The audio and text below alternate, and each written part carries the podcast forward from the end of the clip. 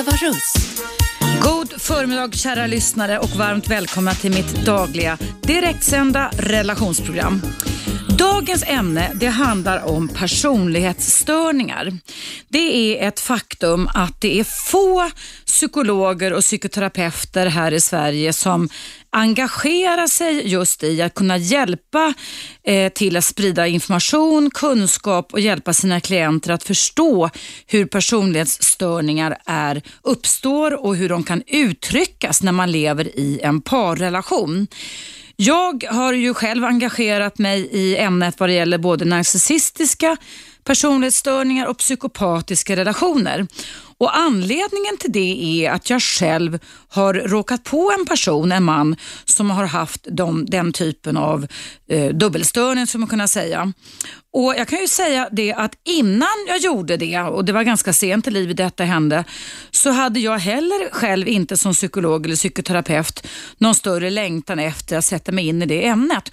Och jag tror, Gud förbarme också, dessvärre, att jag själv innan jag blev utsatt för en psykopat och en narcissists angrepp i en parrelation, att jag många gånger satt och coachade kvinnor som män kanske tillbaka eller till att försöka förstå sig själva istället för att försöka förstå vem, vad, vad som dolde sig bakom deras partners sunda och destruktiva och många gånger avvikande och sjuka beteenden. Eh, jag har skrivit böcker om det här. Jag har skrivit två böcker. Är du gift med en psykopat? Om farlig och förförisk kärlek. Den kom 2005. Också en bok som kom ut förra året som heter Varför hatar män kvinnor som älskar dem? Och eh, Det är inga egentligen kvinnoböcker men jag har, det är faktum så att det hittills till mig har varit så en trend kan man väl säga i Sverige att det oftast har varit mer kvinnor än män som sätter sig i terapisoffan. Men det som är bra är att det där har ändrat sig under de senare åren så jag skulle nästan tro att det är 50-50. Om inte annat så är det faktiskt så också nu efter sommaren att köerna ökar till familjerådgivningar runt om i landet. Och kvällen igår så var det också debut för en kollega till mig, Paul Perris. Han är KBT-terapeut, eller rättare sagt han är schematerapeut heter det, utbildad i USA eh, som har In Treatment i SVT. Eh, men som sagt var, en personlighetsstörning är det viktigt att lära sig att skilja ifrån att man under sommaren har fått problem i sin relation. Därför att leva med en person som har en personlighetsstörning, det är att ständigt uppleva att allting som man inte gillar, alltså allting som man ogillar, ständigt upprepas och kommer tillbaka. Det finns alltså ingen förändring, det finns ingen flexibilitet och tanke, känslo och beteendemönstren är väldigt rigida och oflexibla. Varje gång jag har tagit upp personlighetsstörningar, då narcissistiska och psykopatiska, så eh, får jag en otroligt diger brevskörd in här till Radio 1 och även min tidning Aftonbladet, där jag också jobbar och har jobbat som relationsexpert i snart tio års tid, har också nästan varje dag, om du går in och tittar på första sidan där på webben, så står det då eh, psykopattest, har du varit gift med en psykopat och har du varit gift med en narcissist. Och Förra veckan så var jag med som expert i Aftonbladet att kommentera just vad det är som utmärker en narcissistisk störning.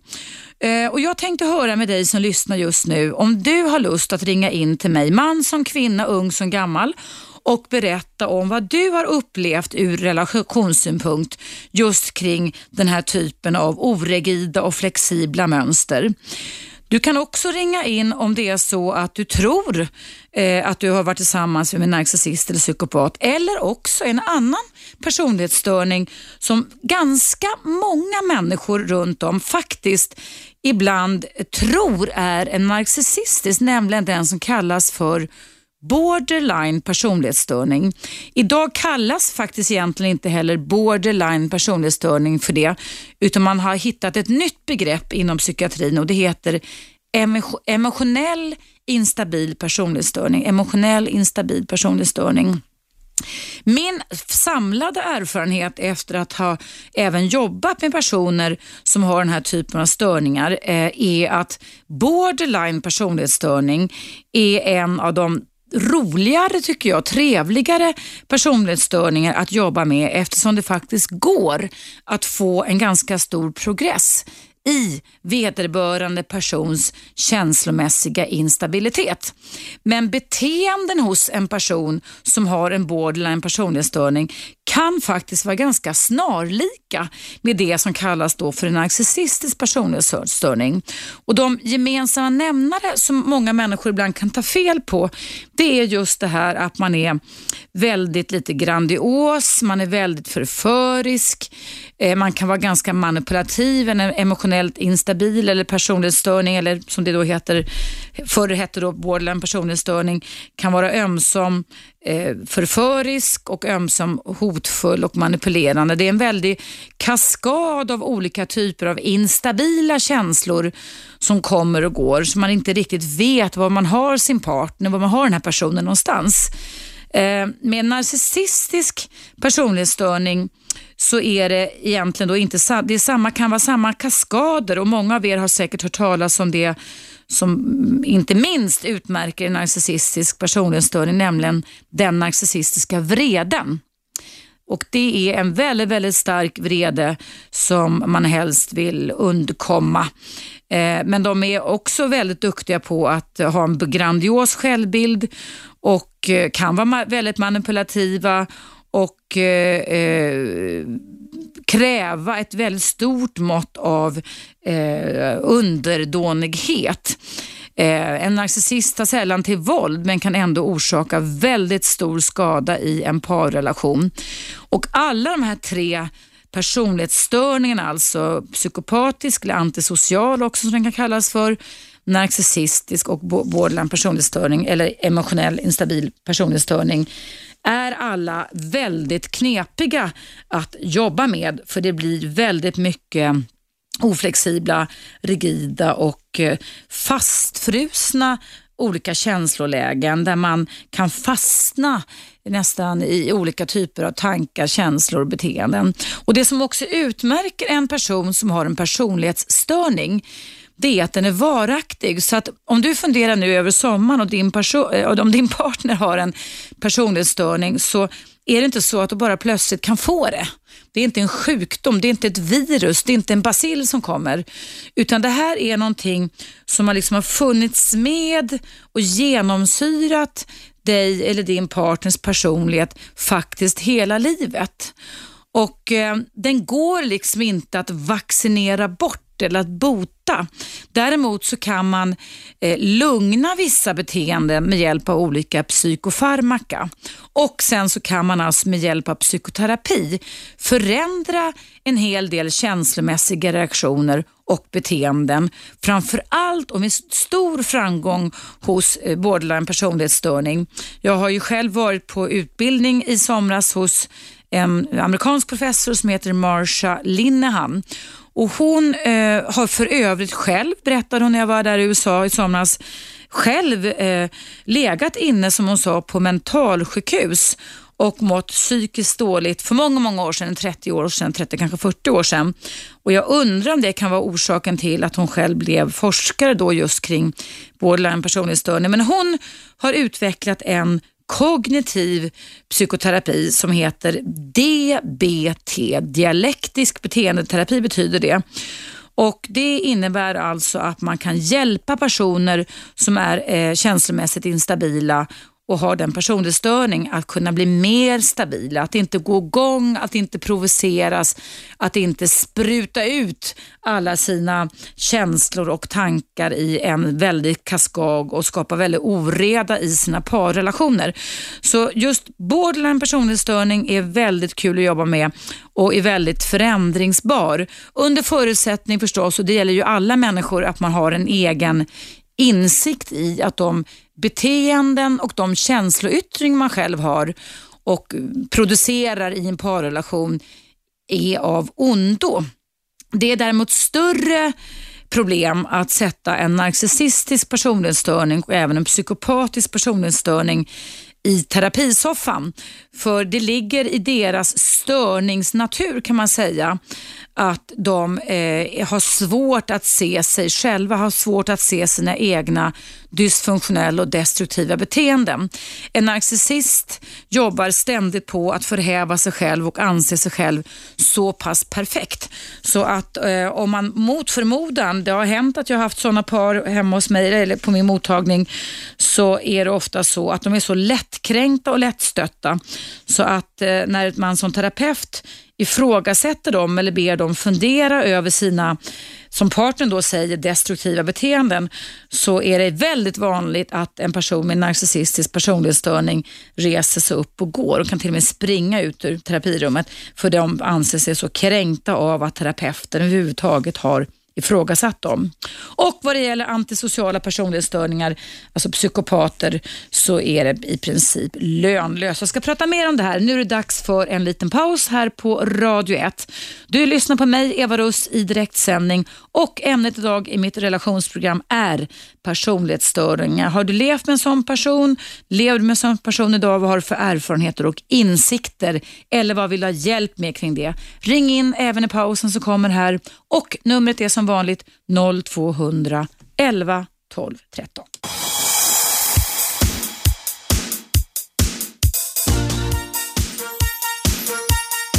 Radio 1.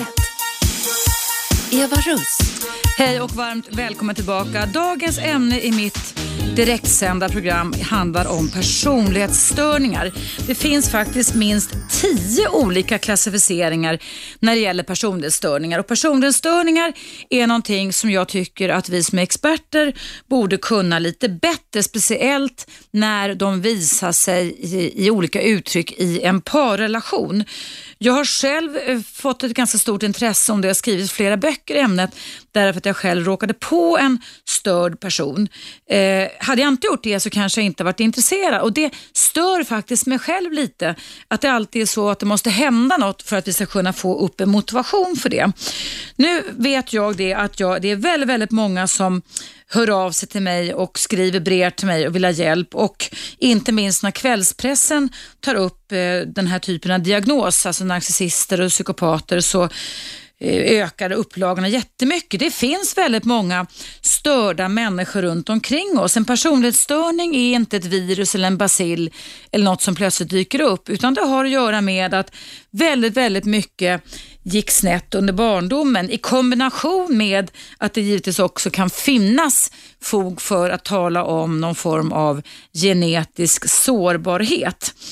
Eh, de som uppvisar mest hat, våld och aggressivitet, det är de personlighetsstörningar som då kallas just för narcissistisk, antisocial och borderline personlighetsstörning. Och De tre personlighetsstörningarna i framförallt parrelationer kan präglas alltså av väldigt starka och snabba pang-pong känslomässiga utfall.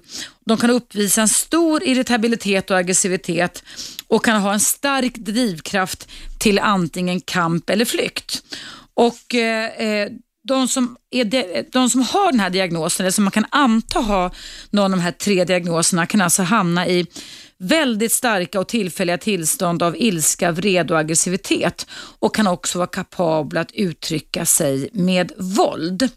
Och När man pratar om då allmänna kriterier för någon av de i alla fall tio olika personlighetsstörningar som finns, så finns det alltså kriterier världen över som man kan följa och titta på. Men jag tycker tycker inte att man som lekman ska sysselsätta sig med att diagnostisera. Men jag tycker absolut att om du som lyssnar har gått och undrat över någon relation du har haft, vad var det jag var med om?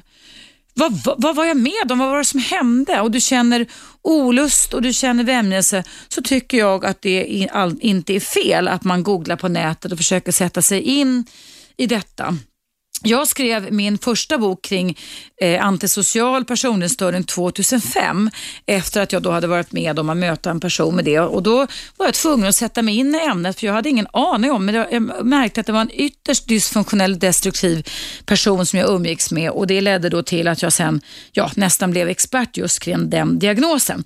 Men i alla fall, det som är typiskt då, som är typiska kan man säga kriterier när man pratar om en personlighetsstörning som alltså inte framkallas av virus eller bacill eller som är en sjukdom, det är att den personen har ett, som man säger, ett mönster, ett varaktigt mönster där upplevelser, känslor och beteenden ganska rejält avviker ifrån vad vi människor liksom någonstans förväntar oss hur vi ska bete oss och tänka och känna i våran miljö kan man säga.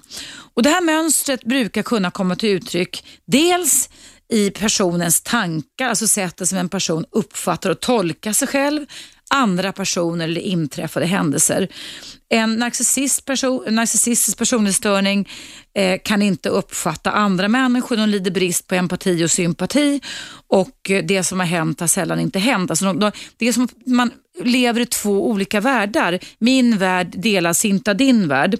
Det är en väldig skillnad, stora gap mellan vad jag har upplevt och känt och vad till exempel en narcissist har upplevt och känt. Sen så kan man också se mönstret vad det gäller att det är ganska komplext och väldigt intensivt kan man säga. Både om man är känslomässigt labil eller om man är väldigt rigid och oflexibel. Och att det också brister ganska rejält eh, vad det gäller att du i en parrelation får känslomässigt gensvar, i alla fall adekvat känslomässigt gensvar när man normalt sett vill ha tröst så får man inte det, då blir man utskrattad till exempel istället. Och Sen så visar sig också, om man har en personlighetsstörning, också i allt om man säger mellanmänskligt samspel. Alltså hur, hur personen i fråga interagera med andra människor men också sen givetvis då i det som är impulskontrollen. Att man har foten på gasen lite väl ofta och att det kan bli väldigt starka överreaktioner som man normalt sett borde ha kunnat träna sig till att hålla tillbaka. Och När det också gäller personlighetsstörningar så är det precis som jag sa tidigare att det är ett varaktigt beteendemönster, tanke, känslor och beteendemönster som är väldigt oflexibelt. Och Det kan också skapa, alltså det håller i sig över nästan som en röd tråd i den personligheten hela livet. Och Det leder också till lidande och försämrad funktion i relationer, i arbete och andra viktiga saker.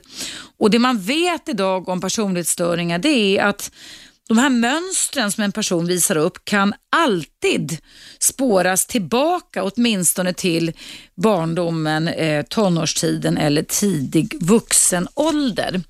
Och eh, jag ska läsa upp ett mejl här ifrån en kvinna av hänsyn till eh, det komplexa eh, kaos hon har levt i så vill jag inte läsa upp för eller efternamn. Men det här är ganska ruskigt. Det här mejlet kom till mig nu i somras, 22 juni. Hon skriver så här. Jag var tillsammans med min exman i 15 år och de har två barn på 14 och 10. Eh, under alla åren så hade den här kvinnan, sin exman, mest haft om sin fru och barn på pappret. Han vill inte göra någonting med oss. Och så skriver hon att om jag, och om jag säger att kärleken börjar försvinna och vi känner oss ensamma fick jag jämt höra att jag gnäller och att jag inte ska jämföra med andra och att jag är bortskämd. Han var även svartsjuk men visade inte så tydligt. Men han anklagade mig för otrohet då och då. När lilla sonen var ett år fick en hård örfil när vi hade ett bråk. Den kom från ingenstans och han var inte ångerfull. Något år senare vill jag separera och då får jag höra att jag är otrogen och att han ska göra livet till ett helvete för mig om jag separerar. Och att han minsann inte är svensk och jag ska inte tro att man kan vara vän med sina ex.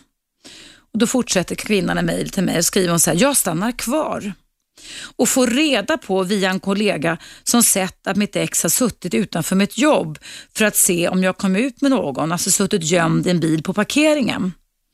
Trots detta gifte vi oss och jag trodde det skulle bli bättre. Efter varje bråk blir han jättesnäll och gör saker med oss, äter middag, åker och handlar och så vidare. Och då har jag börjat tro igen att det är nog jag som överdriver. Jag stannar och tänker bäst för barnen. Ett halvår efter att vi hade gift oss ville jag åka iväg med min kompis till en annan stad. Och Då blev han jättearg och slet av mig vigselringarna, kallade mig hora och slet upp mig för trappan framför barnen. Jag stannade kvar igen. Det tog två veckor innan jag fick tillbaka mina ringar. Jag bad om skilsmässa i, under 200, 2010 och han blev arg och anklagade mig för att vara otrogen. Sen när jag flyttade var han snäll och sa att han älskade mig och att han kunde ändra sig. Vi agerade lite som om vi var tillsammans då jag inte riktigt vågade bryta helt i två, tre månader tills jag efter det sa helt stopp. Nu vill jag inte mer, det fungerar inte, jag har träffat en ny man. Mitt ex förföljde mig under den sommaren och lite senare den sommaren, alltså 2011, ringer han och hotar mig indirekt att jag ska få en överraskning och han ska hamna i fängelse. Sen blir min bil repad hos min pojkvän och då hittar vi en mobiltelefon under min bil fasttejpad. Sen repas min bil igen och sen min pojkväns bil. Mitt ex kallar mig hora och säger att jag stulit pengar och skickar Kronofogden på mig för en laptop han gav mig i födelsedagspresent. Han manipulerar mina barn ordentligt. Eh, du, du, du, Ja, han, eh, han, betalar inte heller det han ska för barnen. Mycket polisanmälningar för indirekta hot, ärekränkning och så vidare. Inget händer. Polisen har inte resurser och det är inte tillräckligt med ärekränkningar eller samtal. Eh, ja, så är det med det. Eh, ja, och det, det, det, det som jag läste upp för dig just nu, det är alltså ett lyssnarmail från somras. Och det, som du säkert hörde, kära lyssnare, det är att det här är verkligen ett praktexempel på en väldigt dysfunktionellt fungerande manlig person. Ehm, jag är övertygad om att detta är, precis som kvinnan beskriver i mejlet, en personlighetsstörning som tangerar i alla fall det som vi kallar för psykopat eller antisocial personlighetsstörning. Nu är det dags för nyheter här på Radio 1, Sveriges nya pratradio.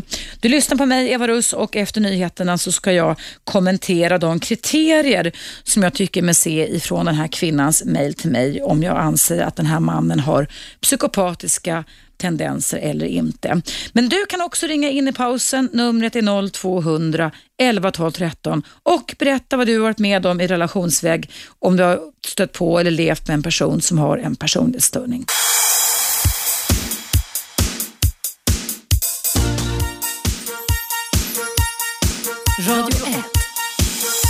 Eva Russ.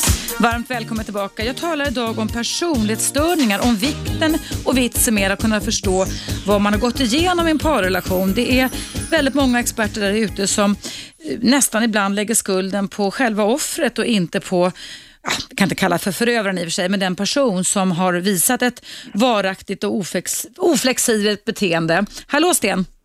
Ja, hallå. Mitt program väckte en del tankar hos dig förstår jag, för du har själv levt med en person som du har undrat över förstod jag har haft någon slags beteendemässig störning eller? Ja, visst är det så. Jag, jag har, man har haft förhållande tidigare och så mm. vidare. Men, men, man har aldrig upplevt no, no, något sånt här. Nej. Just det här beteendet att ena sekunden när det är bra, då kan, det vara, då kan de vara på en nivå som kanske en 10-12-åringar. De kan prata på ett litet barnsligt sätt och bete sig väldigt gulligt och fint. Mm, mm. Och sen andra, när det blir någon motgång och man, man har någonting som man inte är överens om och så vidare, då kan de bli fullständigt vansinnig. Mm. Och säga att jag, jag är dum i huvudet och jag är ful och äcklig och, och verkligen det hatet kommer fram. Mm. Och det har varit fram och tillbaka hela tiden. Och i och med att vi har haft barn och allting, då har jag inte vågat ta tag i det för att, i och med att hon har hotat att hon ska ta barnet ifrån mig och allt det här.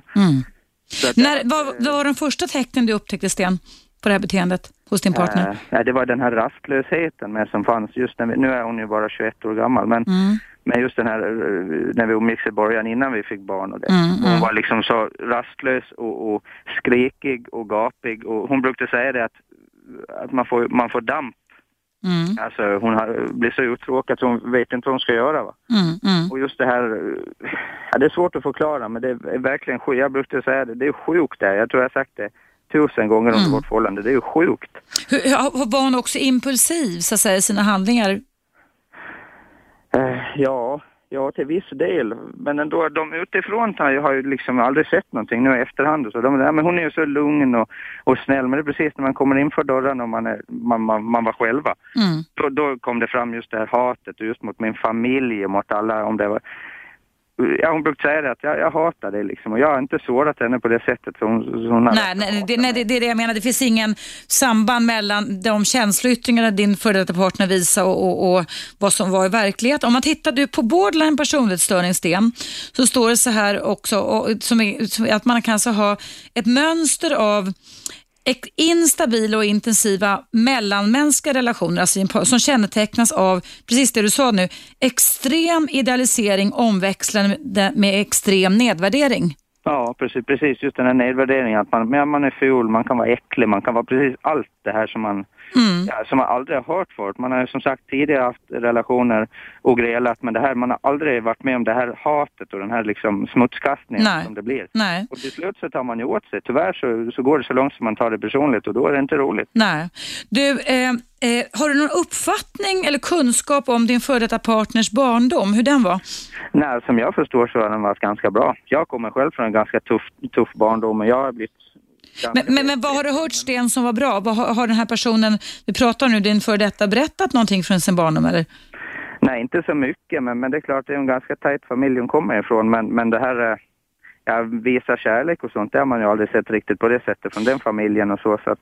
Nej, och, och där, för att alltså, jag, jag har träffat så mycket människor med personlighetsstörningar och ett klassiskt drag skulle jag säga Sten, det är just det här att man, vissa i alla fall, förhärligar sin barndom och säger att den var perfekt, den var skitbra så att säga. Men sen ja. har man inte så mycket minnen att berätta om hur det egentligen var. Och när man, som du säger då att det, det har varit svårt att visa känslor så blir det ju en påverkan och en inverkan på ett litet barn som sen växer upp till en vuxen person. Att man, han, det, man får inte ta, hantera känslor. Men man kan också säga så här Sten, att man, eh, man eh, man kan också ha haft en dålig anknytning under barndomen som kan göra att man får vissa tecken eller symptom kan man säga som liknar en personlighetsstörning men det behöver inte vara det för det, förstår du? Ja, förstår. Eh, om man till exempel inte har fått ta, ta, uppleva känslor och, och processa dem. Ursäkta mig höstförkylningar så kan det leda till att man agerar på ett visst sätt. Men får jag fråga en sak? Eh, eh, har du också blivit idealiserad av din partner så det har varit snabba kast tycker du Sten? Ja, det tycker jag absolut. Mm. Det har och, varit i perioder. Förförisk och hotfull? Ja, hotfull, alltså inte när det gäller alltså, våld och att hon ska slå mig. Nej, nej. Men just det här hotet att uh, ta min son ifrån mig och att hon ska smutskasta mig och tala mm. om för alla hur dum i huvudet jag är så att säga. Ja, ja. Hon ska säga till barnet att liksom att uh, tala om vem som är Ja, tala om hur, att pappa är liksom dum och ja, hon håller på verkligen. Och då är man ju både manipulerande och kränkande och hotfull och så vidare. Vilket skulle kunna tala för att det skulle kunna vara en, åt det hållet i alla fall. Man måste ju träffa personen och fråga det, men alltså en, en borderline personlighetsstörning. Eh, ja. Sen kan det också vara så, för jag tänker det här, du sa det här att i den familjen de var tajta men att de inte fick uppleva så känslor som du upplever kring ditt ex barndom. Nej, precis. Eh, att det kan ju också vara så att barn som, om man pratar om narcissistiska störningar, att barn som har fått anpassa sig extremt mycket, trycka ner sina känslor och bete sig, alltså få en förväntad roll i en familj, där ja. barnet blir ett objekt och inte ett subjekt när man växer upp, kan också faktiskt leda till vissa av den här typen av beteenden. Alltså, tycker du att din partner hade en grandios självbild också i relation till andra och till dig inte minst? Ja, det hade hon ju absolut. Och sådär. Men, men det, hon, hon kunde inte släppa mina tidigare förhållanden och sånt, för hon brukade liksom ta upp det även nu efter tre, fyra års tid. Då kom det ändå upp. Och just att uh, min släkt har haft kontakt med min, min förra mm sambo och för den skull då tycker hon att då ska vår, vår son inte ha med dem att göra. Mm, då är det svart, deras... svartsjuka också, ja, lite ja, paranoia. Ja. Precis, och hatet mot deras barn, liksom, hans kusiner och så, hon, mm. och då, han ska inte träffa dem. Men vad har de barnen gjort? De är nej, nej, nej, nej, nej. Men det där har ju att göra med den personen, så att ditt ex som då är en kvinna, hennes känslomässiga svårigheter kan man säga. Har hon haft problem när hon har jobbat också eller? Ja, ja hon har jobbat och så, men det har varit lite struligt på jobbet så, det har absolut varit så. För det brukar oftast gå igen, det är, ofta, det är inte bara, men ibland kan man, om man har en personlighetsstörning, skärpa sig lite va, i vissa sammanhang. Man kan vara hyfsat välfungerande ibland, men om man har en borderline personlighetsstörning så är man vad ska man säga, känslomässigt hyperaktiv på något sätt. Man triggas ja. igång ganska lätt, förstår du? Absolut, absolut. Och man får utbrott och sånt så att man kan inte skärpa sig på samma sätt som en narcissist eller en psykopat kan göra. Nej, nej, nej. Men jag menar som kille, jag tycker, även fast man har hört alla de här sakerna och allting, jag har aldrig varit den som har blivit aggressiv och, och hotfull. Så jag har liksom tagit det, svalt det och till slut, ja, det, det gick för långt så det har vi gått isär. Men... Mm. Jag tror att det var lika bra. Det finns ju som du kanske hörde bot och bra terapier idag just för det här. Men, men så länge som personen själv inte har förmåga eller no, visar någon tendens till att vilja se betrakta sig själv så är det ingen idé att släppa med sig någon sin partner eller sitt ex till någon terapeut för att då går de bara därifrån. Ja, det tråkiga är ju att nu kommer det att gå ut över barnet om det går vidare som, till, till eh, vårdnadstvist. Ja. Jag tänker bara på han. Jag jag, förbjuder inte han att träffa någon. Nej, nej, nej. Eh, medan, medan hon uh, hatar min sida och ja. så, som jag sa. Va? Så att det är väldigt tråkigt att det ska vara så. Mm, det är väldigt, väldigt, väldigt tråkigt. Hur långt har ni kommit i den processen då, Sten? Ja, det är ju advokatdiskussioner. Ja, ja, ja okej. Okay. Hur gammalt är barnet om jag får fråga? Två, två. Två, en liten plutt. Men ja. du, eh, det du kan företräda då, för ni kommer väl i alla fall då få delad vårdnad eller gemensam vårdnad, det är väl det som man i regel strävar mot, eller hur? Ja, de vill ju kämpa för det, säger de ju ja. idag. Då, då kan ju du ändå trösta dig med att om du har en annan typ av känslomässigt sätt att funka på än vad ditt ex har, så kan det påverka bra för er lilla pojke också. Ja, nej men absolut. Jag sitter inte och smutskastar henne eller beter mig illa. Jag, jag säger, jag gör allting för äh, sonens skull. Ja, det, det förstår jag. Ja. Det, det förstår jag. Gäller, ja. Liksom. Ja, ja. Men du kan ta och googla, alltså du kan gå in och googla lite just på borderline personlighetsstörning. Men det låter, det låter i alla fall för mig just nu Sten som att det skulle kunna vara det som, det är ganska typiskt det här med hot, eh, manipulation, svartsjuka, stark vrede, kontrollbehov. Men det kan också gå in i narcissistiskt, förstår du? Men ibland kan personer med borderline-störning ha narcissistiska grad, grad, grad också. Drag heter det, för jag kan inte prata. Drag heter det. Ja. Liksom, någon kan vända och bli från att vara lugn och, och fin. Ja, men det är de här explosionerna att det här, och det här i, ehm, eh, narcissistisk vrede är liksom väldigt riktad och stark, men de kan bita ihop och vara ganska, funka liksom bra i sina jobb. Va? Förstår du? Men, men. Eh, om det här låter väldigt guppigt, lite som en storm på Atlanten beskriver du som ungefär. Ja, nej, men det, så har det varit i fyra års tid. Ja. ja, det är jobbigt. Man bryts ganska snabbt ner i det där och framförallt när man får de här projektionerna på sig, Sten, att det är dig det är fel på, inte vederbörande person, eller hur? Ja, det tror man ju till slut. Visst, ja. jag, har väl, jag har väl gjort mina fel och så vidare. Jag är inte perfekt, men jag har ju mm. aldrig betett mig på det viset. Nej, jag förstår det. Nej. Men då får du faktiskt ta till dig det då, att det, inte, att det här kan då vara en störning eftersom det är en varaktiga beteende som ständigt kommer tillbaka. Och ja. eh, det lutar åt borderline-hållet skulle jag vilja säga så här på telefonen alla fall. Ja, någonting för att min erfarenhet tidigare i livet, eh, som sagt jag har aldrig stött på något liknande, mm. inte när man pratar, pratar med kompisar och så. De, de, de, förstår liksom inte vad, ja, vad det är riktigt. Nej, nej. Och det, det är, visst är det viktigt att man lyfter fram det här, Sten? Ja, jag tycker det just det med att barn och så vidare. Och sen liksom, det är viktigt att man sköter, man ska vara psykiskt stabil mm. för att ta hand om mm. ett barn. Så. Ja. Och sen tycker jag ju också att advokater och tingsrätter och allt vad det är borde skapa sig mer kunskaper om hur de här personerna funkar också. För det är oftast de som kan driva in absurdum en väldig massa rättegångar, förstår du? Alltså, ja, visst, visst. Utifrån sin egen sargade självkänsla. Du, Sten, tack så jättemycket för att du ville berätta om din relation. Tråkigt att du varit med om det, ni har alla fått en liten pojke och jag hoppas vid Gud att allting kommer att gå bra i de kommande rättegångarna också. Ja, de säger det. Har man nått botten kan man bara kliva uppåt. Så det var visdomsord, Sten. Tack så jättemycket för att du lyssnade och tack för att du ville berätta om ditt relationsproblem. Tack för ett bra program. Tack själv. Hej då. hej. hej. Ja, kära lyssnare, jag ser att det ringer här och det är helt okej. Okay. Jag ska ta era samtal, nummer till 0200 11 12 13. Men nu är det dags för en liten paus här på Radio 1.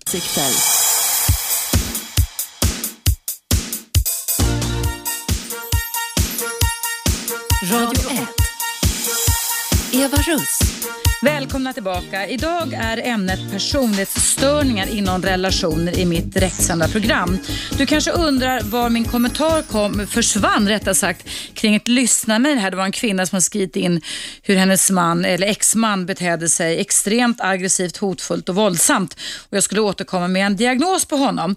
Och det ska jag göra. Jag tycker att det lutar åt eh, psykopathållet, eller i alla fall antisociala beteenden. Men nu ska jag faktiskt ta och prata med en person på linjen här. Per, hallå Per. Hej. Du ringde in mig därför att du sa att du har blivit diag inte diagnostiserad, men berätta att du tror att det är psykopater. Vad var det du sa till mig Per? Ja, det tror jag. Jag tror många är det utan att kanske skönja det själva. Och jag kan tycka det är intressant med sådana här samtal och diskussioner för att jag kan själv känna och har fått höra väldigt många gånger att jag är psykopat. Kan du berätta lite hur, hur, hur det har uppstått och vad, är det kvinnor eller män som har sagt det till dig då Per? Ja, det är både och och det är framförallt i de chefsbefattningar jag har haft. Mm. Och eh, det, det, har kommit fram saker i efterhand som har gjort att eh, till en början tog jag illa upp. Idag mm. gör jag inte det längre utan jag ser det som en komplimang nästan. Mm. Vad är det för beteenden, konkreta beteenden då Per som du har hört att de har tolkat som psykopatdrag? Okänslighet, att mm. eh, säga, nämna saker vid dess rätta namn som jag då kan tycka men eh, människor i ens omgivning kan uppleva att eh, eh man är för direkt. Mm. Och man går, går på i alltså i, mm. i sin eh, i sin framtoning. Men, men saknar du, om du tittar på dig själv Per, tycker du att du saknar empati och sympati? Sådana känslor? Saknar vet jag inte, men empatin tycker jag är väldigt avgränsad till vissa delar i livet. Jag kan väl uppriktigt säga att jag inte känner någon större empati för människor som jag inte har kommit nära och inte har något större behov av. Nej, men, om, men de, kom, kan du komma känslomässigt nära personer och känna empati och sympati? Ja, det, det kan jag nog göra, men jag... Att dela känslor alltså handlar det om ja, Per? Ja, i grad där också. Det beror ju på vad det är lite grann och det är ju det här jag vill belysa att jag tror det finns två sidor av det här myntet. Jag tycker mm. psykopat har blivit en slask. Nu är ja. det inte någon diagnos kanske, men att man man använder och kastar det och framförallt då på väldigt framstående och framåtsträvande personer. Mm. Det, hallå? Jag är kvar. Det, det, lät som, det lät som att du förstår. Det, det, det, det, det jag menar var att vi, det är väldigt många människor som säger att han eller hon var väl psykopat. Det, och det ska ju sägas också Per och till alla er som lyssnar att det krävs extremt många, det finns en psykopatichecklista och det finns alltså manualer för detta som forskare som heter Robert Hare eller, eller Kleckley har tagit fram. Så jag kan inte sitta i direktsändning och jag har inte ens tillgång till exakt de testerna heller. Men det som utmärker per psykopatdrag, det är ju alltså den här brist, att man har brist på medkänsla, alltså brist på empati och sympati. Att man har ett manipulativt beteende och att man har till exempel en hal och op opolitlig charm och att man gärna ser sig själv som grandios. Tycker du att du känner igen dig på det Per? Ja, men det, det, kan jag nog göra och det tycker jag väl i överlag att väldigt många människor i min omgivning, mm. de jag har träffat, mm. lever ett sådant liv. Sen kan man klä in det olika saker, antingen med tårar för att få sin vilja igenom eller på något annat sätt. Så det är väl sorgligt om, om människor tycker, eh, alltså inte når varandra. Jag kan tänka mig en relation kan det bli väldigt tokigt. Men jag tror att det är väldigt attraktivt också att, eh, mm. att möta en psykopat. Just mm. att man tar för sig. Mm. Du får jobbet gjort. Ja.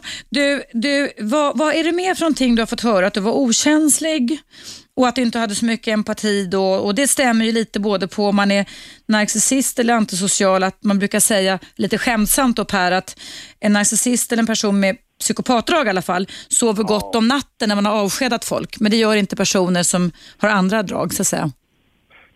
Nej, men det, det, är väl sådana saker jag fått höra och också det här med att man kan ta en distans och skilja sig från saker och ting mm. väldigt snabbt. Då kan folk uppleva att du inte går och funderar mer på det här. Mm. Det här var ju mm. väldigt omskakande. Såg du inte att han blev ledsen och sådana här saker? Mm. Det, ja, det finns ett förakt mot den typen av svaghet som mm. jag ser. Mm. Jag mm. tycker man kan klippa de sakerna och gå vidare. Mm. Och, och Vad finns det mer för beteenden du har hört eller som du själv har funderat över som skulle kunna vara psykopatdrag Per? Ja, det, är, det är möjligtvis det här med att det inte eh, kanske självspeglar sig heller i den eh, mån man skulle behöva göra det. Jag, det är väl mer bara gå på alltså, att vara mm vara igång. Och det är väl samma sak med sjukdom och ohälsa och sådana här saker att man, man känner inte efter så mycket utan mm. man, man kör på. Mm, mm. Du, eh, har du, om det är okej, okay, du behöver inte svara på den frågan men jag vill ändå ställa frågan till dig Per. Eh, hur har din barndom sett upp? Ja, den, den har nog sett väldigt god ut om, om jag ska se den utifrån. Det, det finns väl ingenting som jag tycker har varit anmärkningsvärt. Det har varit tydliga gränser och eh, Eh, jag har fått eh, mat och jag har fått eh, ja, omtanke från mina föräldrar. Kan du ge ett exempel på hur du har fått omtanke från dina föräldrar när du var liten? Så där, från där man har minne, vad kan det vara, fem år, femårsåldern, fem, sexårsåldern kanske? Ja, till exempel vid gränssättning och mm. sådär. Eh, jag menar, ska man äta, då jobbar man.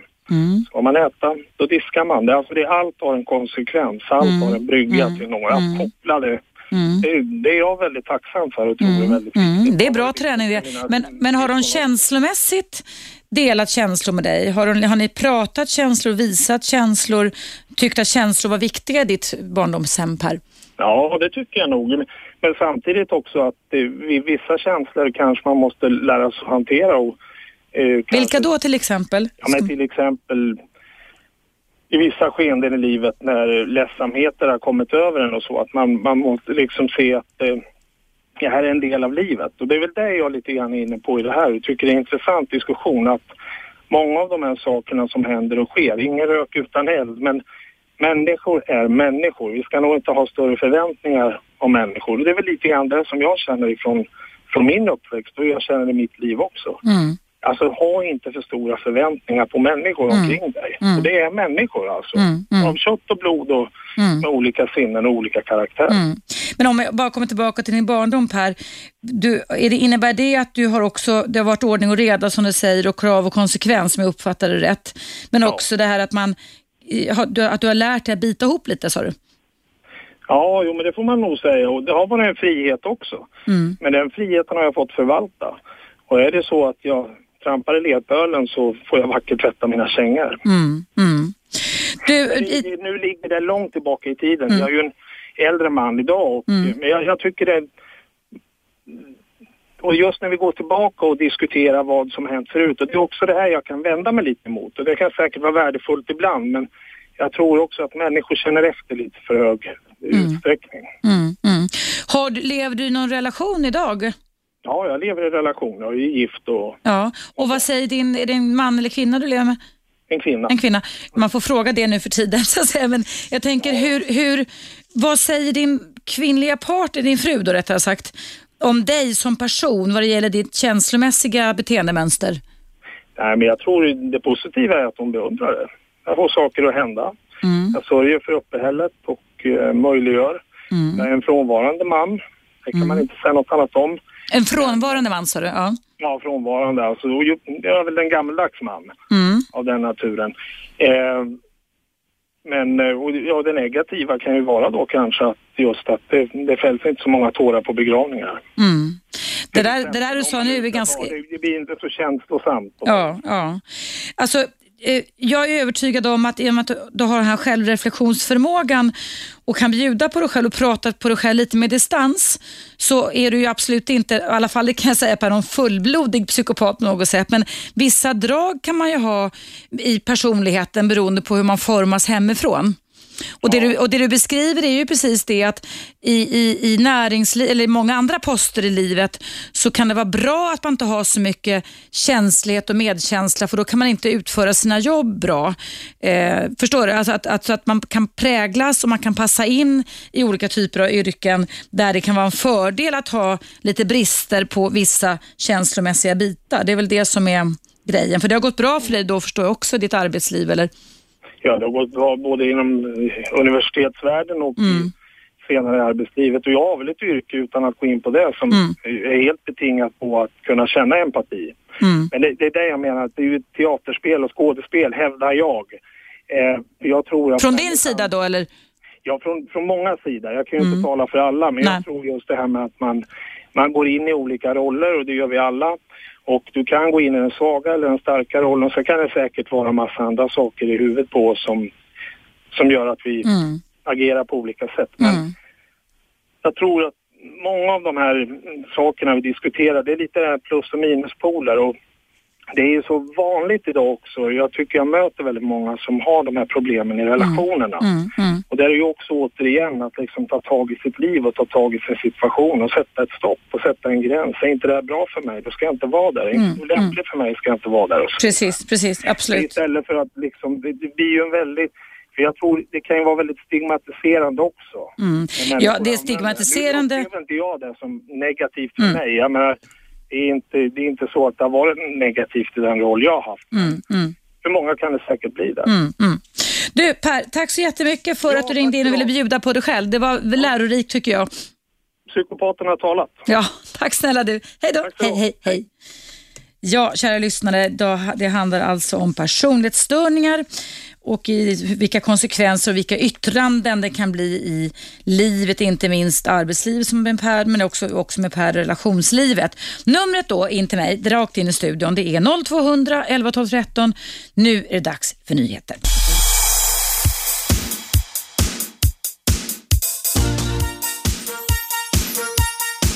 Radio Eva Russ. Välkomna tillbaka. Idag har jag som ämne personlighetsstörningar men jag vill också passa på att säga det att jag kan inte sätta diagnoser per telefon. Jag kan inte heller sätta psykopatdiagnoser för då måste man utgå ifrån väldigt krångliga tester som oftast har utformats och prövats på folk som sitter bakom lås och bom. Men vad vi kan göra det är i alla fall att försöka i stora drag ringa in vad det är för typer av störning. Och en personlighetsstörning det är alltså inte en sjukdom, en bacill eller virus utan det är varaktiga oflexibla beteenden som ställer till bekymmer för personen själv men också för personen själv i relation till andra nära anhöriga, eh, partners eller barn. Och därför så har jag Erik på tråden. Hallå Erik! Ja, hallå. Hej! Berätta vad det här eh, mejlet, jag läste upp ett mejl i början på programmet om en kvinna som varit utsatt för en otroligt antisocialt beteendefull man i alla fall kan man säga. Det väckte massa tankar och känslor hos dig Erik, berätta vilka. Jo, eh, jag känner igen mig väldigt mycket i allt det här. Och jag, jag har ju en pappa som har, som har, alltså jag känner igen allt det här från honom. Och jag är ju, jag är 20 år nu. Vad var det du kände igen för beteenden? Kan du beskriva, eller rättare sagt som du har varit med om och lite utsatt för? Nej, men jag kan ju bara, han ljuger, manipulativ och sen, eh, bara, jag kan bara ta ett sånt exempel när jag var, vad kan ha varit, fyra, fem år. Mm. Och jag knappt vågat gått i huset för att man har varit rädd att riva ner, riva ner en vas till exempel. Eh, vilket jag har kunnat gjort honom rosenrasande. Man har, jag har spelat liksom teater i hela min uppväxt inför honom för att hålla honom på gott humör. För att, Det är, det är förfärligt och det är ganska typiskt att ba, det, det, det är de andra som finns omkring oss. För dig blir en överlevnadsstrategi, eller var, att spela teater för att undkomma faran från din egen pappa. ja, precis. Vad gjorde han mer då? Han ljög, han var manipulativ, han kunde bli rosenrasande om någonting hände. Vad hände mer? Ja, men han, eh, han har hotat och det är min, det är min mamma. Är, henne man får tacka för att man, att man står som man är här idag och är, är, någorlunda frisk. Mm. Och det, så här i efterhand så inser man ju hur, alltså hur illa det här har tagit på en. Ja, för man fattar ju inte det när man växer upp. Ett barn vet ju inte hur det ska vara när man växer upp. Man tror att, det är, att alla barn har det likadant, eller hur? Ja, absolut. Det är, alltså, det är nu när jag inser hur, alltså, hur mycket stryk jag har tagit av det här. Mm. Hur, märker du, hur märker du det i ditt vardagliga liv? Du, du är 20 år sa Erik. Ja, Mm. precis. Nej, men alltså sådana grejer som att det, jag har lätt liksom att få, eh, och trott att alla, att alla är emot den, att alla folk liksom är emot den och Mm. eh, man har hela världen emot sig. Och, eh, det har ju, det har ju liksom tagit på självförtroendet också. Man, man känner sig dålig och ja, Mm.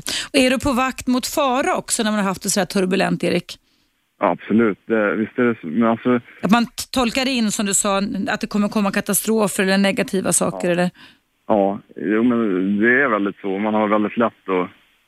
Ja, händer, händer en grej så... Alltså om man ska, ska ut en kväll och det är någonting som händer så man blir osäker så, så skiter, man, skiter man i det. Du, du, när du var liten pojke, så långt tillbaka du kan minnas, kan du beskriva, alltså, kunde du sova på natten? Hur kände du när du vaknade på morgonen?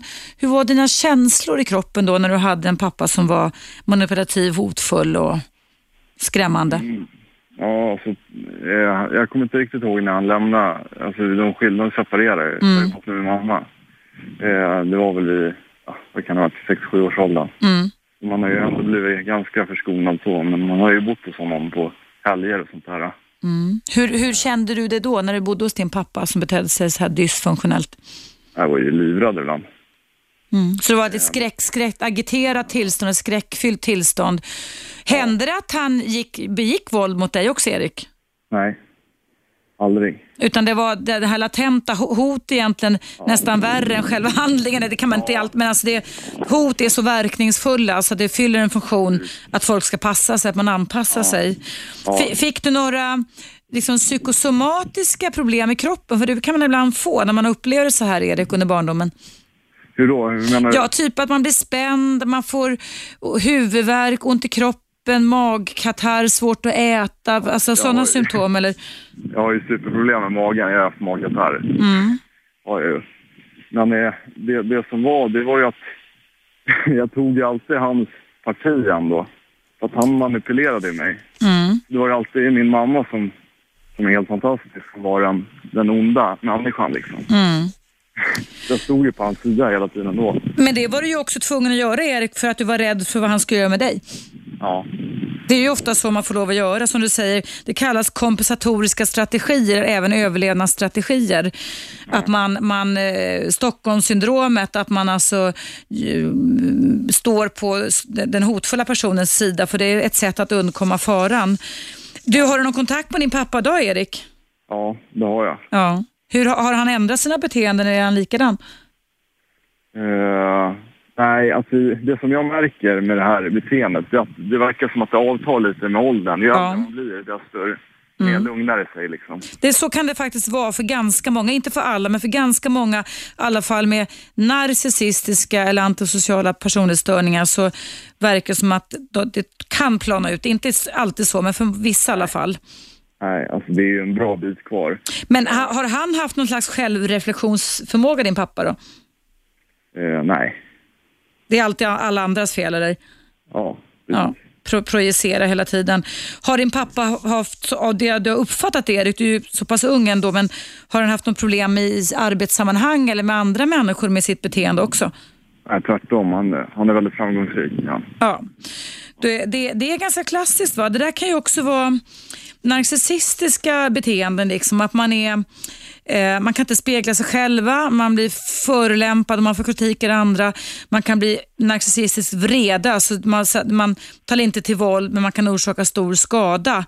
Eh, man ehm, man eh, eh, anser sig själv vara perfekt och alla andra människor operfekta. Man hö- förhöjer sig själv, förstår du Erik? Ja, precis, Och man kan bete sig extremt manipulativt, men, men också som en psykopat. Man struntar i den här medkänslan. Man kan inte sätta sig in till exempel i dig som barns känslor, utan det är han, han, han som är viktigare än barnen till och med. ja.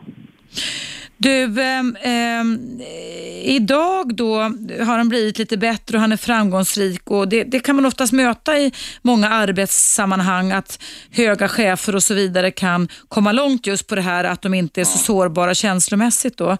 Men, ehm, ja. Det som är, det är att han... Alltså när han är, när han är, när han är på goda humöret, Ja. då, är han ju, då kan han ju vara världens bästa pappa. Ja. Om du förstår mig rätt. Ja då. Eh, Fast han inte är det såklart. Mm. Men, men eh, det är... Nej, det är... Det är, frukt, alltså det är fruktansvärt. Det går, inte att, det går inte att beskriva hur fruktansvärt det är. Har din pappa någonsin varit känslomässigt intresserad av dina känslor, Erik? Eh, Hur du tänker och känner och mår? Eh, Nej, alltså... Jag vet Han är inte... När du var liten och gjorde illa eller var rädd till exempel, kunde du söka skydd hos honom då eller sa han att du skulle bita ihop och, eller strunta i och ge dig tröst? Nej, men det har han nog kunnat gjort. Det har han kunnat göra, bra. Ja. Mm. Ha. Har du pratat med din mamma om det här eller skulle du prata med henne idag om att du har ringt in till mitt program och att vi har pratat om eventuell störning hos din pappa? Eh, alltså om hon har ringt in nu? Nej, men om du, har, har du pratat med din mamma om dina funderingar kring din pappas beteende under din Ja, uppväxt? jättemycket. Ja. Det, är det, som, det är det som gör att, att jag lever idag, tror jag. Mm. Att hon, hon har funnits där. Hon har kunnat göra ditt liv mer, mer möjligt att leva för att förklara att det inte var ditt fel. För barn kan ju också ta på sig föräldrarnas beteenden och ta och känna skuldkänslor för dem. Det har jag ju det har jag haft skuldkänslor hela livet. Det har du haft? Ja. Ja, men alltså jag har ju... Jag vill ju påstå att jag är hyfsat frisk nu, men det är ju det är några grejer som man... Men hon, hon tycker att, att jag ska gå till någon K- KBT. Ja. Kan, kan du hänga kvar? Det är dags för en liten reklampaus här så vi kan avsluta samtalet Erik kring de här. Jag är ju KBT-terapeut så får jag höra vad det är för någonting du behöver hjälp med. Är det okej eller? Ja, absolut. Att du bara stannar kvar i telefonen. Toppen, då hörs vi strax igen. Ja, det är dags för en liten reklampaus och efter den ska jag fortsätta och prata med Erik här om vad han kan göra för att kunna må lite psykiskt bättre. Så häng kvar om du vill höra vårt fortsatta samtal. Men nu är det dags för en liten paus.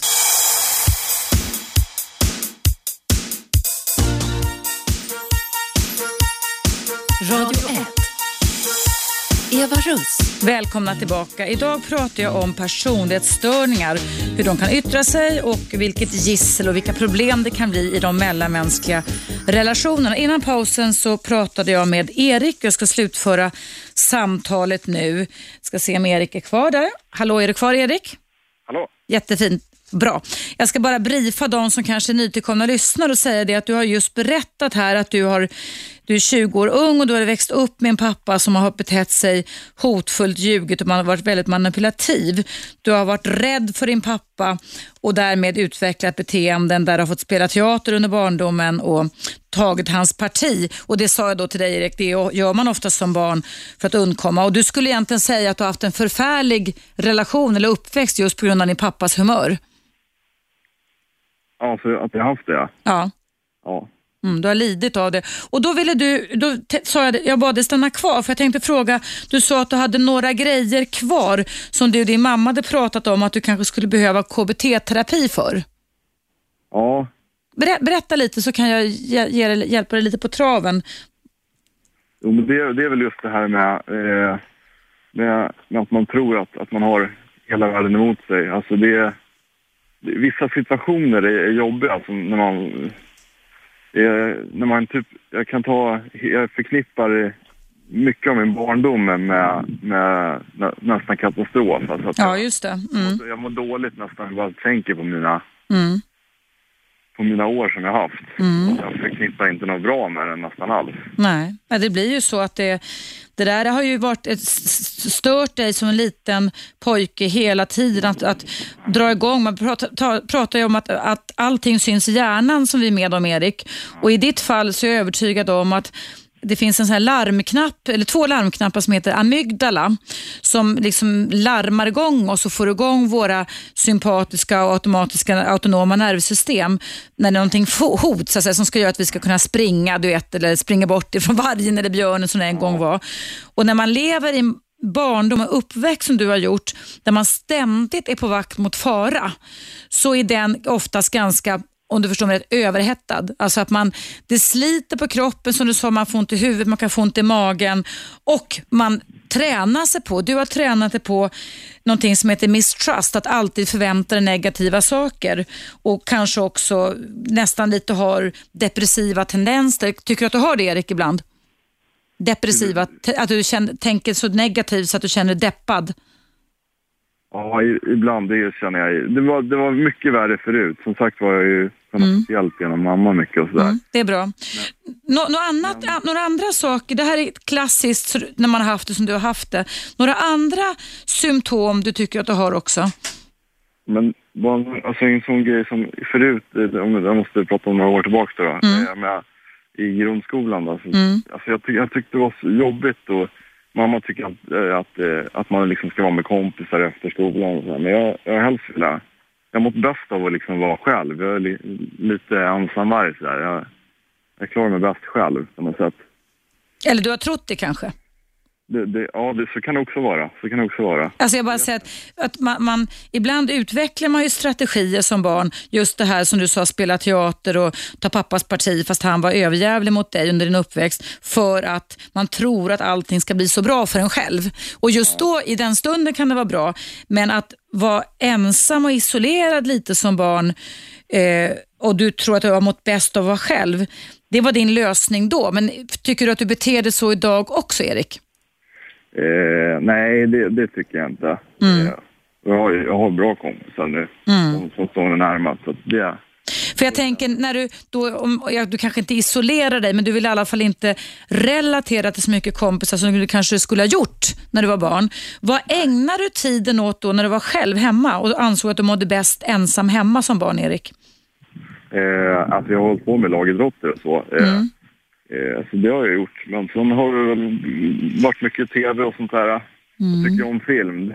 Mm. Mm. jag kollar mycket, jag snöar in mycket i, i film. Kunde det skingra dina tankar kring hur kaotiskt du hade det med hänsyn till din pappas beteende? Det hjälpte dig så att säga? Ja, när, man, när man såg på film, då gick man in i en, i en helt annan värld. Då gick man in i filmens värld. Liksom, och kunde, Mm. Men det var inte så att du, när du var ensam och, och inte lekte med kompisar, att du satt hemma och liksom ältade och var rädd för vad pappas drag skulle bli nästa gång? Eh, nu har de ju varit skilda så vi har inte bott tillsammans. Nej. Men det där, det, där sitter, det där sitter så djupt inne så att eh, sagt, jag har ju kvar det fortfarande. Eh, Mm.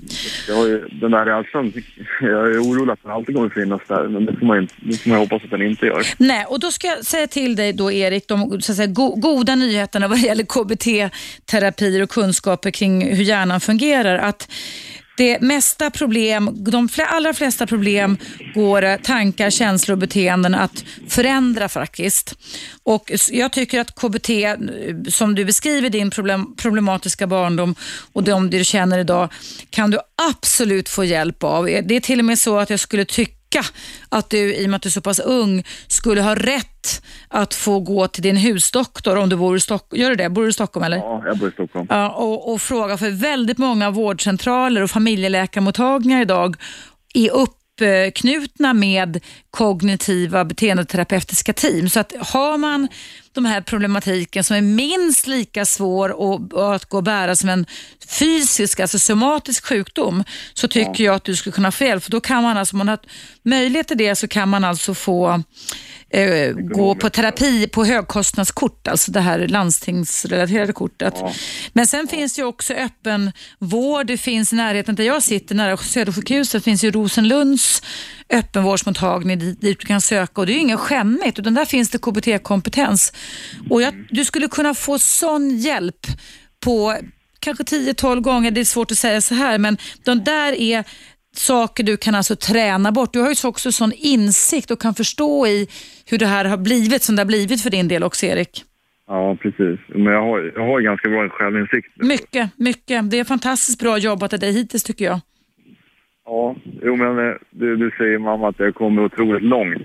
Jag, jag, har ju, jag har ju fått andra egenskaper nu som inte jämnåriga har. Alltså, de flesta tycker att jag är mer mogen på ett sätt än vad, Mm. än vad andra är. För att jag har kunnat, man har ju va- varit med om...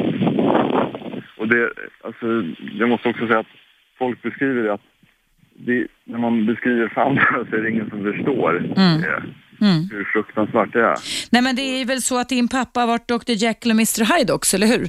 Ja, precis. Han har varit en, en jävel gentemot dig under din uppväxt men sen Mr Hyde, en perfektionist på arbetsplatsen som du sa, lyckats i sitt jobb.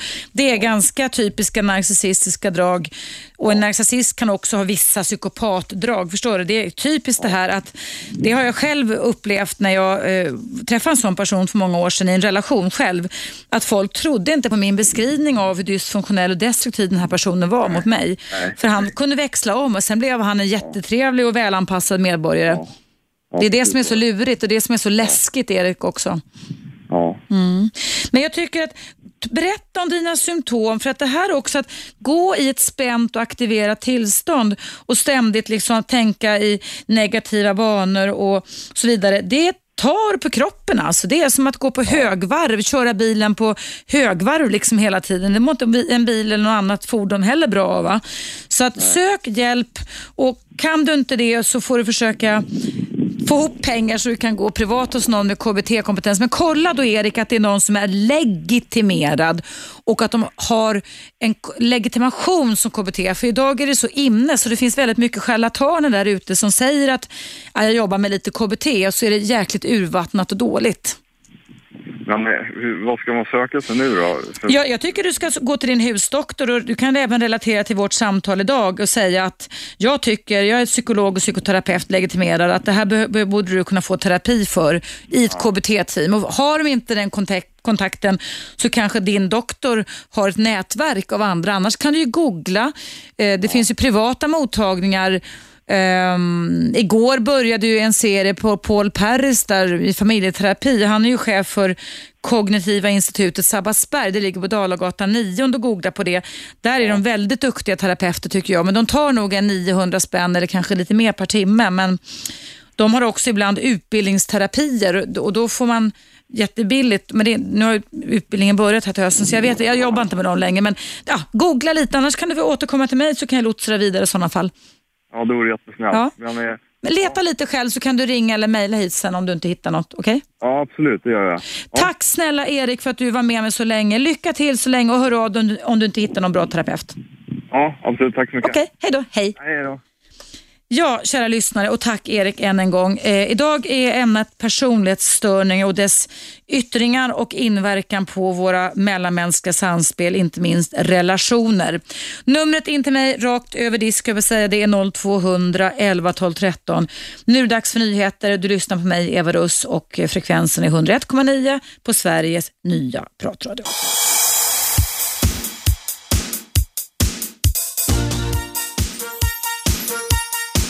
Radio 1. Eva Russ.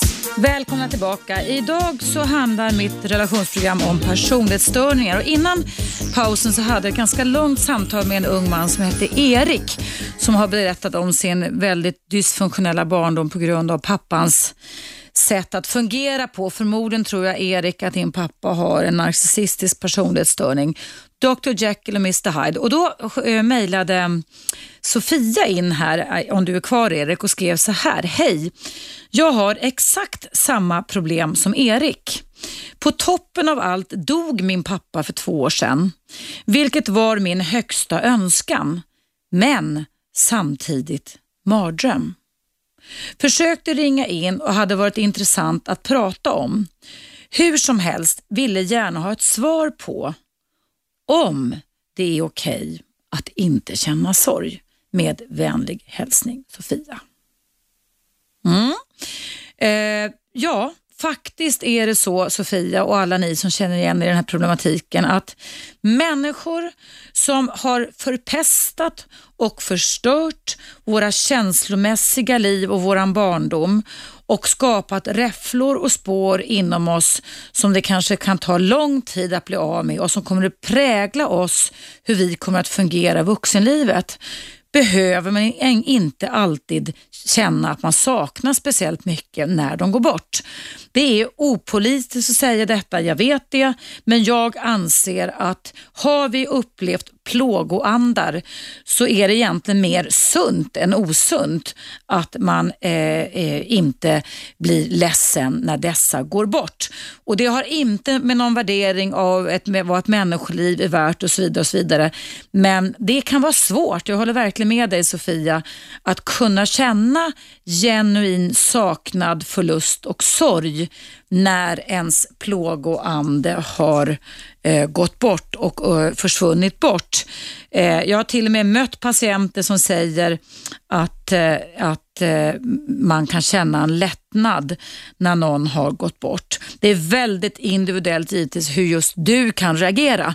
Men som svar, som ett snabbt svar på din fråga Sofia, så kan jag säga då det då att när din pappa dog för två år sedan och du har haft det faktiskt, det är förskräckligt alltså, men som en högsta önskan men samtidigt mardröm, så känner du ingen sorg så kan du fortsätta med det. Men sen kan man också med tiden givetvis Precis som Erik berättade om sin pappa som har plågat honom i 20 års tid under hela hans uppväxt.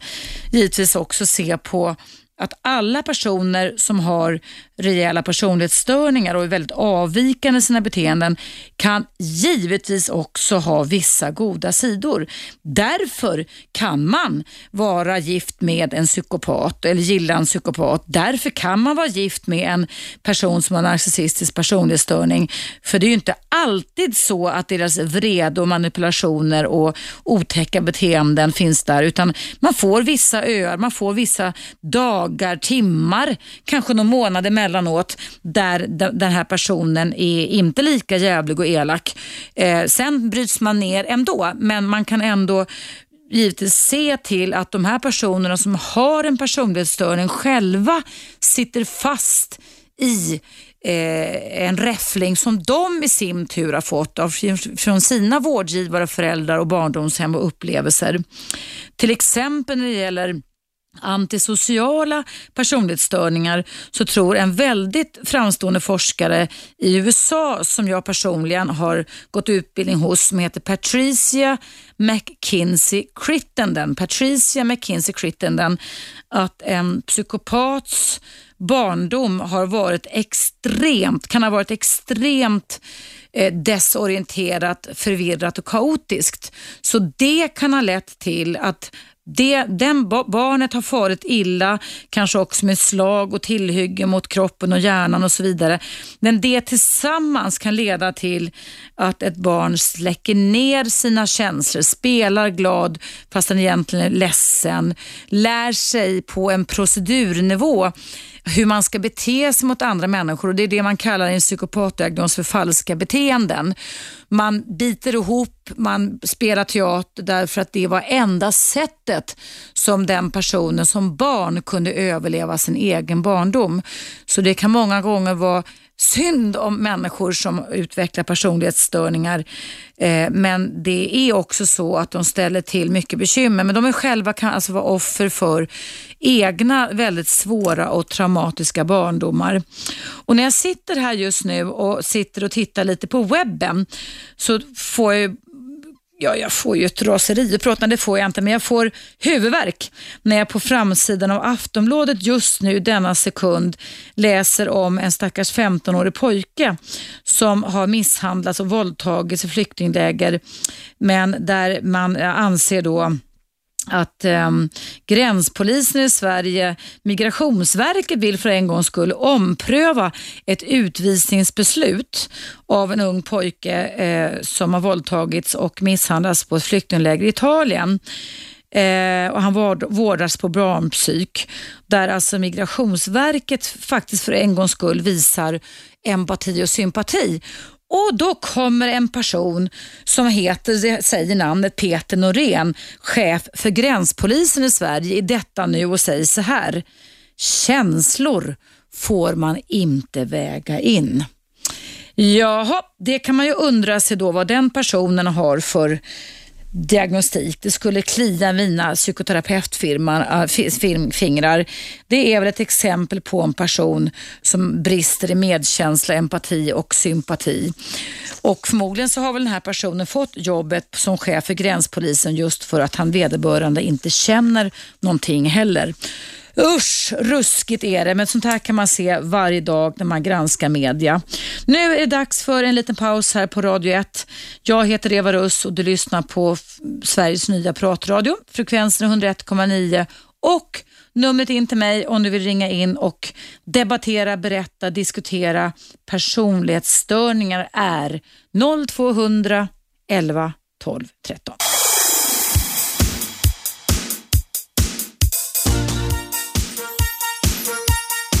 Radio 1. Eva Russ. Välkomna tillbaka. Dagens ämne är och har varit personlighetsstörningar. Det finns väldigt många människor där ute som tyvärr själva får man väl säga är offer för sin egen icke-funktionella och traumatiska barndom som alltså kan sätta sådana spår i hjärnan hos de här personerna så att allt i den personens tankar, känslor och beteenden genomsyrar de mell mellanmänskliga relationerna och det blir ett mycket, mycket svårt uppdrag om du träffar en person och inleder en kärleksrelation. Speciellt med en person som har en antisocial, narcissistisk och kanske även då borderline personlighetsstörning. Det goda är det att just borderline personlighetsstörningar finns det bra terapi för idag. Den kallas för DBT, dialektisk beteendeterapi och där kan man komma till rätta med den här känslomässiga instabiliteten på ett väldigt bra sätt. Det kan ta lite tid, tar oftast längre tid än de här snittet för en KBT-terapi som är 10, 12, 13 gånger eller kanske 15 då, eh, ett år eller två, men det brukar bli jättebra resultat. Så det är bra. De andra då, narcissistiska personlighetsstörningarna och antisociala är nästan lönlösa. Många brukar bli bättre när de blir gamla och bittra när de inser att alla partners lämnar dem. De kan bryta ihop, bli deprimerade och kanske då först börja kunna våga självspegla sig själva. Men att släppa med sin partner som är narcissistisk till en psykoterapi, det är bara waste of time anser jag. Nu ska vi höra vad Hector vill säga till mig. Hej Hector! Hej Eva! Tack för att du lyssnar på programmet. Ja, det är en självklarhet för mig. Vad kul, tack. Jobbar du idag eller? Ja, jag mm. jobbar ju som vanligt. Mm. Vad ville du säga för någonting? Eh, jag tänkte satsa tiden på att berömma dig eh, istället för att prata så mycket om själva ämnet alltså. Mm vad gulligt av dig. Ja, så jag skrev några få rader här som jag hoppas att de får all information jag vill sända. Mm. Och jag skrev så här. Eh, jag vill tacka dig för denna så givande och lärofull program. Du öppnar vyerna för, för oss, dina trogna lyssnare och hjälper oss i vårt vardagliga liv med dina råd och upplysningar. Tack för det jättebra radioprogram. Åh, oh, vad du är gullig Hector. Tack så mycket. Det värmer mitt hjärta jättemycket ska du veta. Det, det, det gläder mig också för att alltså, det, alltså allt, varenda bokstav som jag skrev här och som jag sagt till dig, som läste upp för dig, är det sant alltså? Mm. Alltså det kommer från hjärtat. Åh, oh, vad gulligt. Jag märker det faktiskt. Jag får tårar i ögonen när jag sitter där. Det syns ju inte, men jag känner det. Det var värmande. Jag gör så gott jag kan och jag vill försöka sprida kunskap om allt som har med psykologi och relationer att göra. Jag har ju varit med ganska länge och jag kan ibland tycka att många experter där ute eh, inte törs ta ställning eller vädra sina åsikter eller berätta för folk hur saker och ting hänger ihop.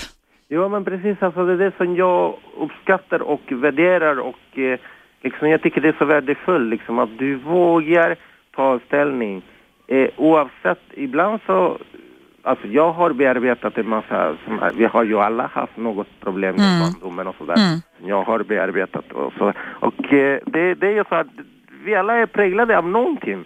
Eh, och när man lyssnar på dig, då, då lär man sig alltid någonting där som man kanske hade missat. Och man tänkte, men tänk om man tänker så här, ja det där hade jag inte tänkt på. Ja, det var jättekul att höra. Tack så mycket. Så. Det stimulerar mig till att planera nya program. Jag ska sitta här i eftermiddag och planera nya program. Och du som lyssnar så mycket, du får väl också gärna höra av dig Hector och komma med idéer om du vill, eller ämnen som du skulle tycka var viktiga också. Du har ju varit med om mycket traumat förr i ditt tidigare liv, eller hur? Ja, en, en, en del alltså. Kan man väl säga. Så att om det finns någonting där du kommer på, hör av dig i sådana fall. Ja, tack så mycket för det. Tack själv, tack, tack, tack för dessa ord. Hej då, hej, hej, hej. Ja, man kan alltså också då, Hector och ni andra, ringa in till våran telefonsvarare på Radio 1 som står på dygnet runt och då är numret 0200 11 12 12.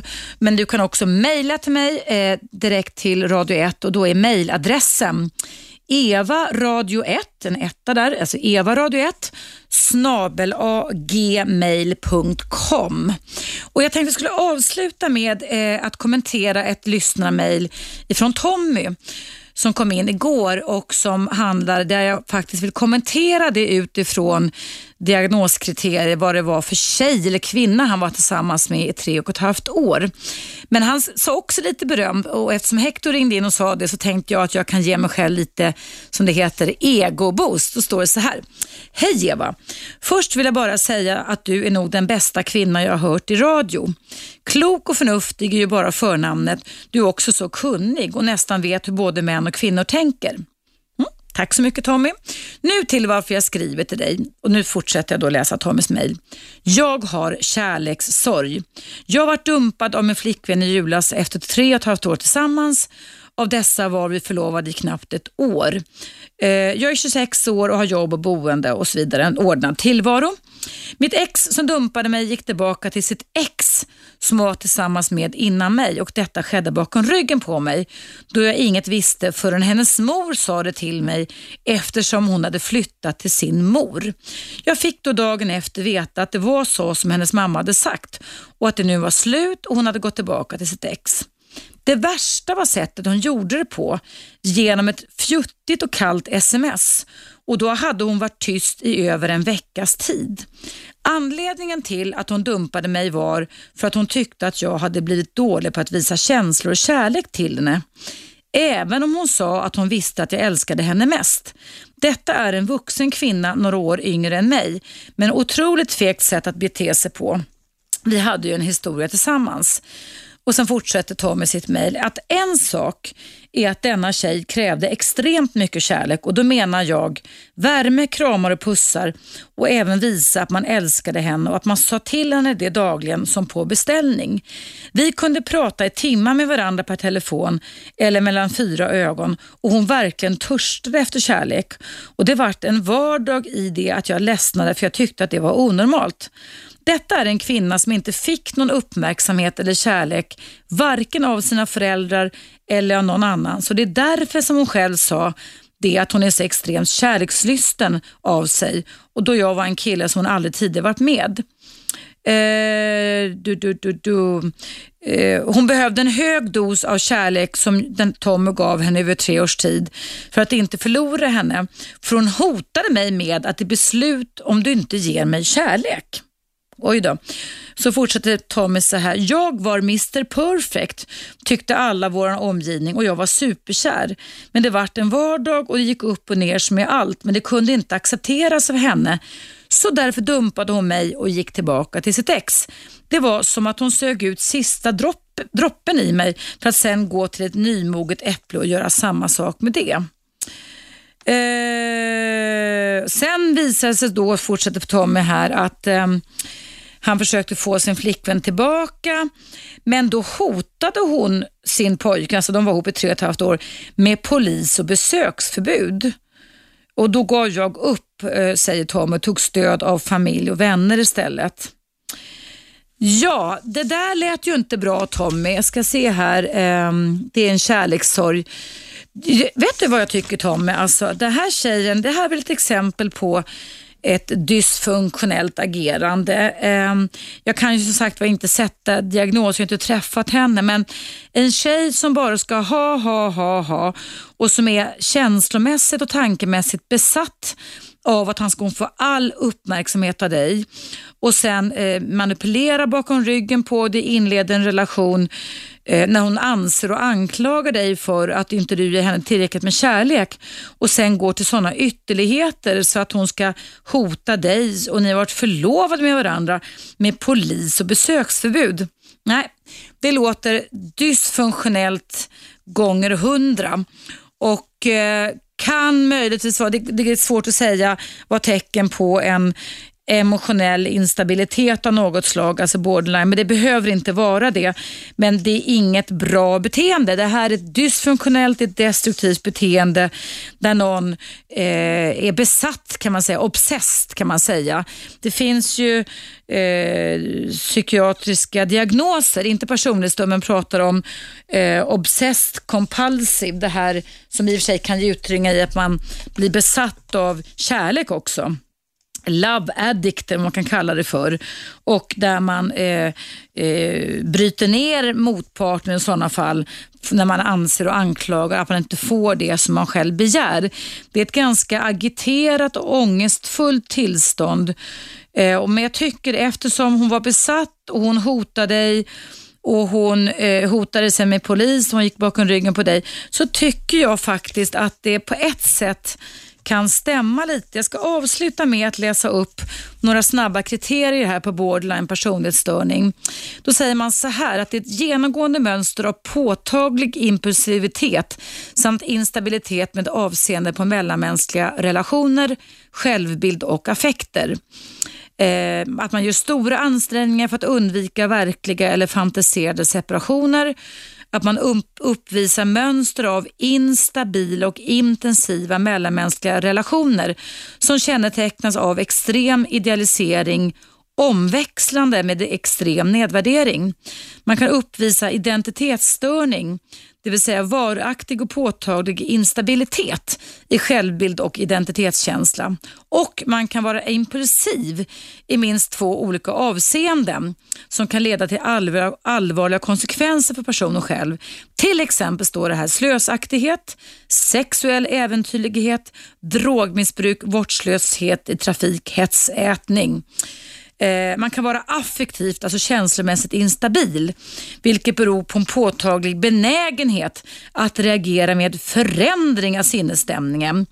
Eh, och Man kan också uppvisa, uppvisa upprepat suicidalt, alltså självmordsbeteende, suicidala gester eller suicidhot eller också självstympade handlingar. Och Det kan ju vara man rispar sig själv, man gör sig själv illa, självskadebeteende alltså. Och personer som kan diagnostiseras med borderline personlighetsstörning kan också själva alltså subjektivt uppleva och uppleva att de känner sig kroniskt tomma. Och De kan också uppvisa intensiv vrede och kan ha svårt att kontrollera aggressiva impulser och kan också ha både övergående och stressrelaterade, just det, paranoida tankegångar, alltså att man anklagar andra, man är övertygad om att folk är emot en och därför sätter man igång och spionera och förfölja folk och så vidare. Men det måste vara en psykoterapeut, en psykiatriker eller en doktor som sätter den diagnosen.